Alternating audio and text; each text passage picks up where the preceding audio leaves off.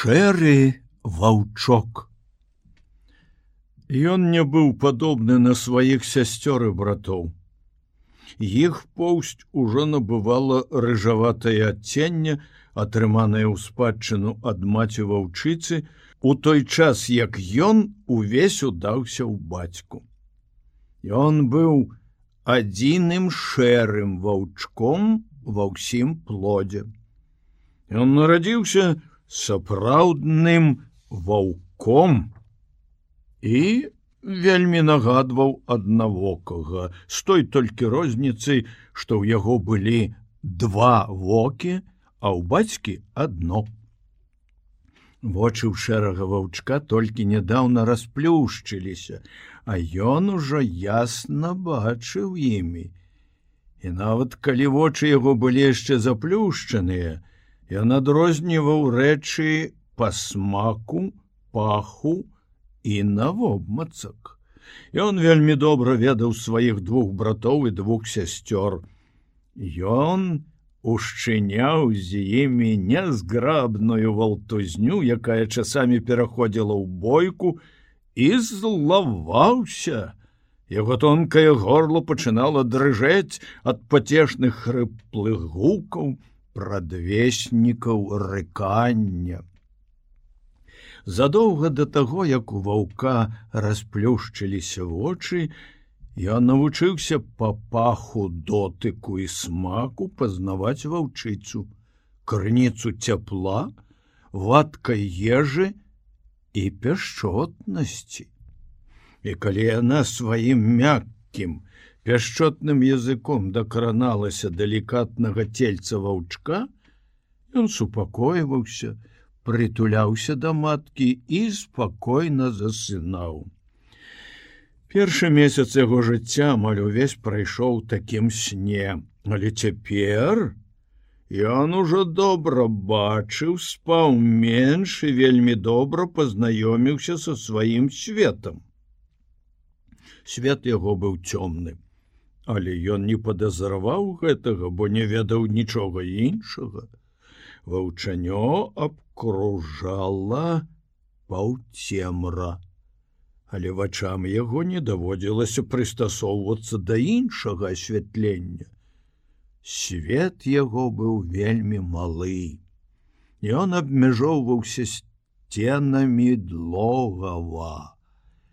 Ваўчок не меў ніякага разумення аб неабсяжнасці знешняга свету, і таму жыццё ў такіх цесных рамках яму не абрыдла. Між іншым ён вельмі хутка выявіў, што адна са сцен яго свету адрознівалася ад іншых. Там быў выхад з пячоры, і адтуль ішло святло. Ён выявіў, што гэтая сцяна не падобная на іншыя яшчэ задоўга да таго, як у яго з'явіліся уласныя думкі ўсвядомленыя жаданні. Яна непераможна вабіла да сябе ваўчка яшчэ задоўга да таго, як ён здолеў зірнуць на яе расплюшчанымі вачыма. Святло, якое ішло адтуль, біла яму прыплюснутыя павекі і зрокавыя нервы запаляліся цёплымі іскрамі, якія прыносілі прыемнае і разам з тым дзіўнае адчуванне. Жыццё яго цела, кожнай яго клетачкі, жыццё, якое складала самую сутнасць арганізма і дзейнічала міма волі ваўчка, рвалася да гэтага святла штурхала да яго цела таксама як складаны хімічны састаў расліны штурхае яе да сонца. У самым пачатку яшчэ задоўга да таго як у ваўчка пачала прачынацца свядомасць ён увесь час падпаўзаў да выхаду з пячоры сёстры і браты не адставалі ад яго і ў гэты перыяд іхняга жыцця ні адно з ваўчанят ні разу не запаўзала ў цёмныя куткі ля задняй сцяны. Святло вабіла іх да сябе, як быццам яны былі раслінамі. Хімічны працэс, які называецца іх жыццём патрабаваў святла. Яно было неабходнай умовай існавання, і малюсенькія шчанячыя цельцы паўзлі да яго, як вусікі вінаграднай лазы. Пазней, калі ў кожным з іх пачала выяўляцца індывідуальнасць, з'явіліся жаданні і свядомыя пабуджэнні. Цяга да святла толькі ўзмацнілася.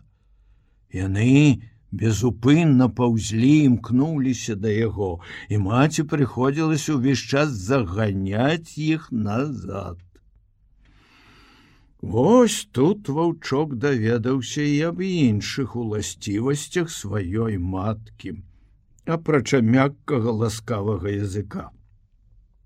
Настойліва спрабуючы падпаўсці да святла, ён даведаўся, што ў маткі ёсць нос, якім яна ў пакаранне можа адкінуць яго назад.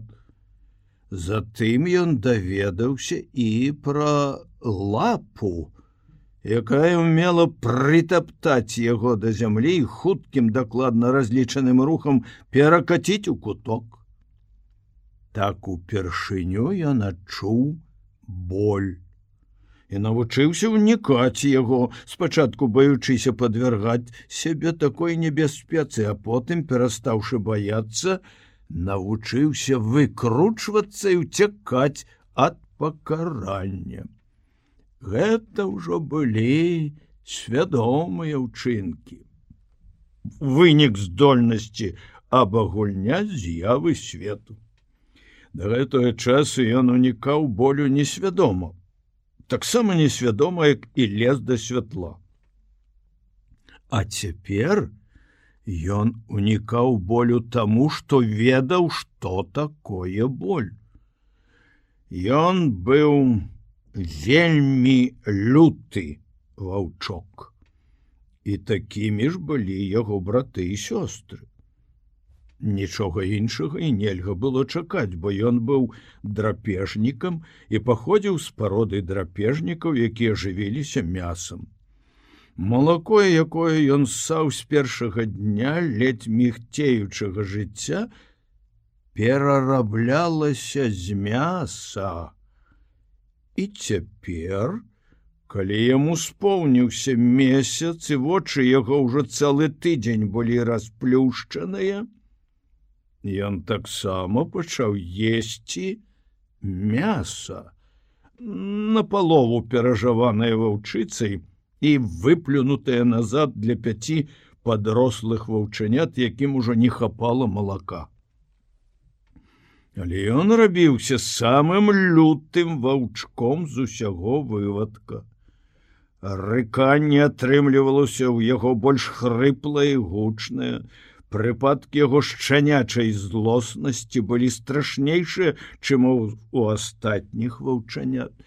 Ён першы навучыўся спрытным ударам лапы перакульваць да гары сваіх братоў і сясцёр, і ён першы схапіў другое ваўчанё за вуха і пачаў тузаць і цягаць яго ўзад і ўперад шалёна рыкаючы прасціснутыя пашчэнкі і ён больш за ўсіх іншых ваўчанят турбаваў матку, якая старалася адагнаць свой вывадак ад увахода ў пячору.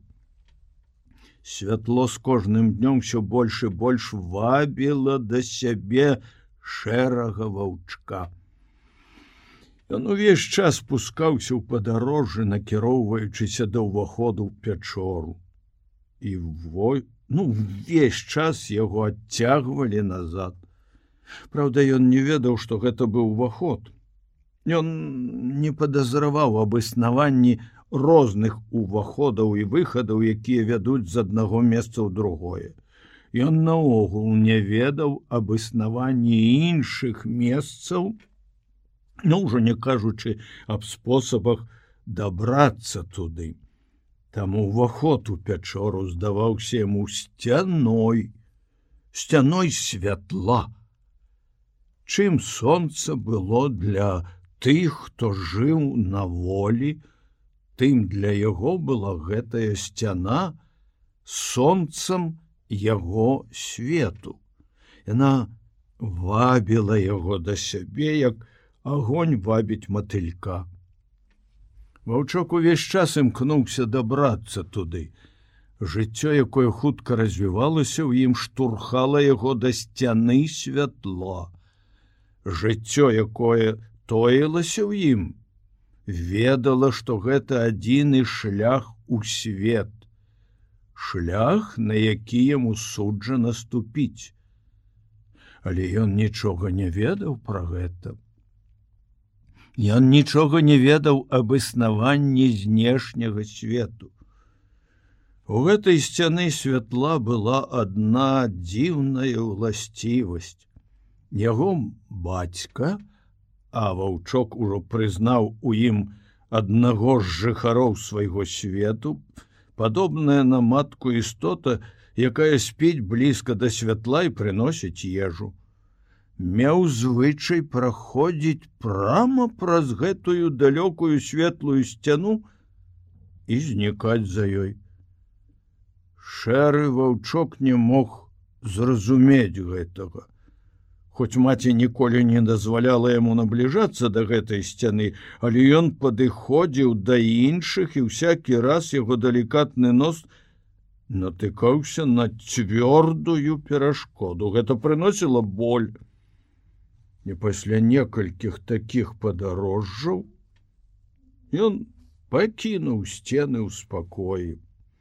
Не задумваючыся, ён палічыў гэтыя знікненні бацькі за яго адметныя ўласцівасці, таксама як малако і мясная жвачка былі адметнымі ўласцівасцямі маткі. Шэры ваўчок не ўмеў думаць, прынамсі, як думаюць людзі. Мозг яго працаваў у поцемках. І ўсё ж яго вывады былі такія ясныя і выразныя, як вывады людзей. Ён прымаў рэчы такімі, якія яны ёсць, але ў гэтым быў свой метад адбору. Ён ніколі не турбаваў сябе пытаннем, чаму здарылася тая або іншая рэч. Дастаткова было ведаць, як гэта здарылася? І таму ткнуўшыся некалькі разоў носам у заднюю сцяну ваўчок прымірыўся з тым што не можна знікаць у ёй. Таксама ён прымірыўся і з тым фактам што бацька можа гэта рабіць. Але жаданне разабрацца ў розніцы паміж бацькам і сабой ніколі не ўзнікала ў ім логіка і фізіка не прымалі ўдзел у фарміраванні яго мозга. Як і большасць жыхароў лясной глушы, ён рана зазнаў голод. Надышлі дні, калі не толькі мяса скончылася, але і саскі яго маткі перасталі даваць малако. Спачатку ваўчаняты вішчэлі скуголілі, але большую частку часу праводзілі ў сне. Потым на іх напала галоднае здранцвенне. Не было ўжо тузаніны і боек. Ніхто з іх не раз'юшваўся, не спрабаваў рыкаць, і падарожжы да далёкай белай сцяны спыніліся зусім аднавокі быў у роспачы. Ён шнары ўсюды, дзе толькі было можна, мала спаў у логаве, якое было цяпер нудным і безрадасным. Ваўчыца таксама пакінула свой вывадак і выйшла на пошукі ежы.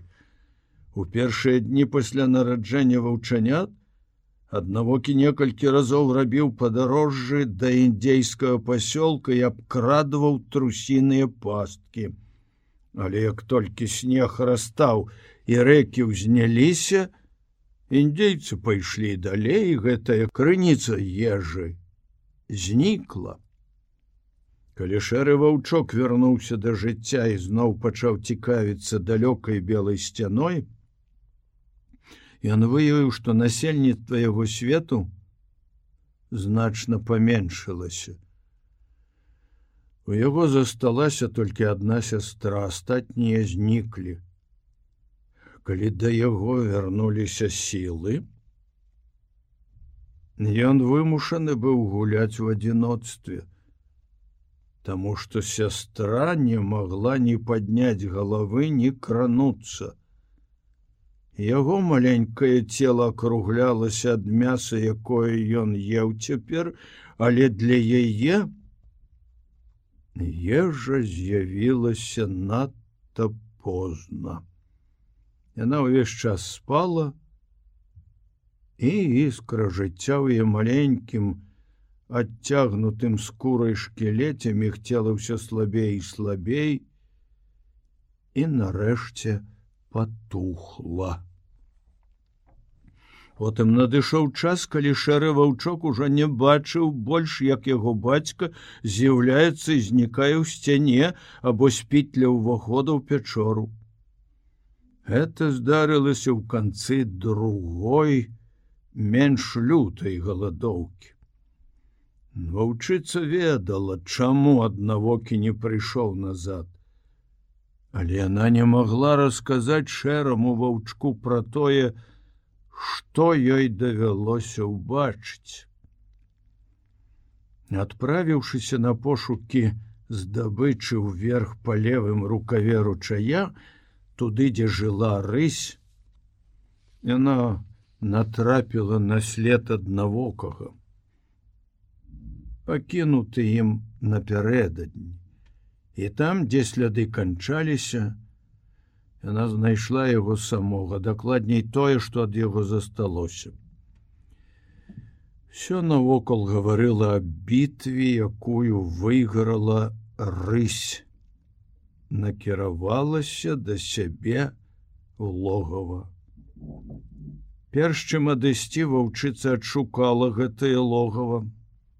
Рысь была дома і, ваўчыца не адважылася ўвайсці туды. Пасля гэтага ваўчыца ўнікала палявання на левым рукаве ручая. Яна ведала, што ў рысе ў логаве ёсць вывадак і што сама рысь славіцца сваралівым характарам, злосцю і адважнасцю ў бойках паўтузіну ваўку нічога не значыць загнаць на дрэва фыркаючую на тапыраную рысь. Але зусім іншая справа сустрэцца з ёй вока на вока, асабліва калі ведае, што за спінай у рысі цэлы вывадак галодных дзіцянят.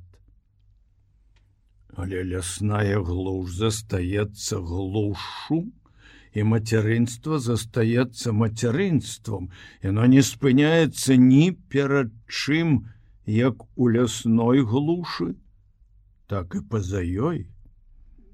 І немінуча павінен быў надысці дзень, калі дзеля свайго шэрага ваўчка, Ваўчыца адважыцца пайсці па левым рукаве да логава ўска скалах насустрач раз'юшанай рысі.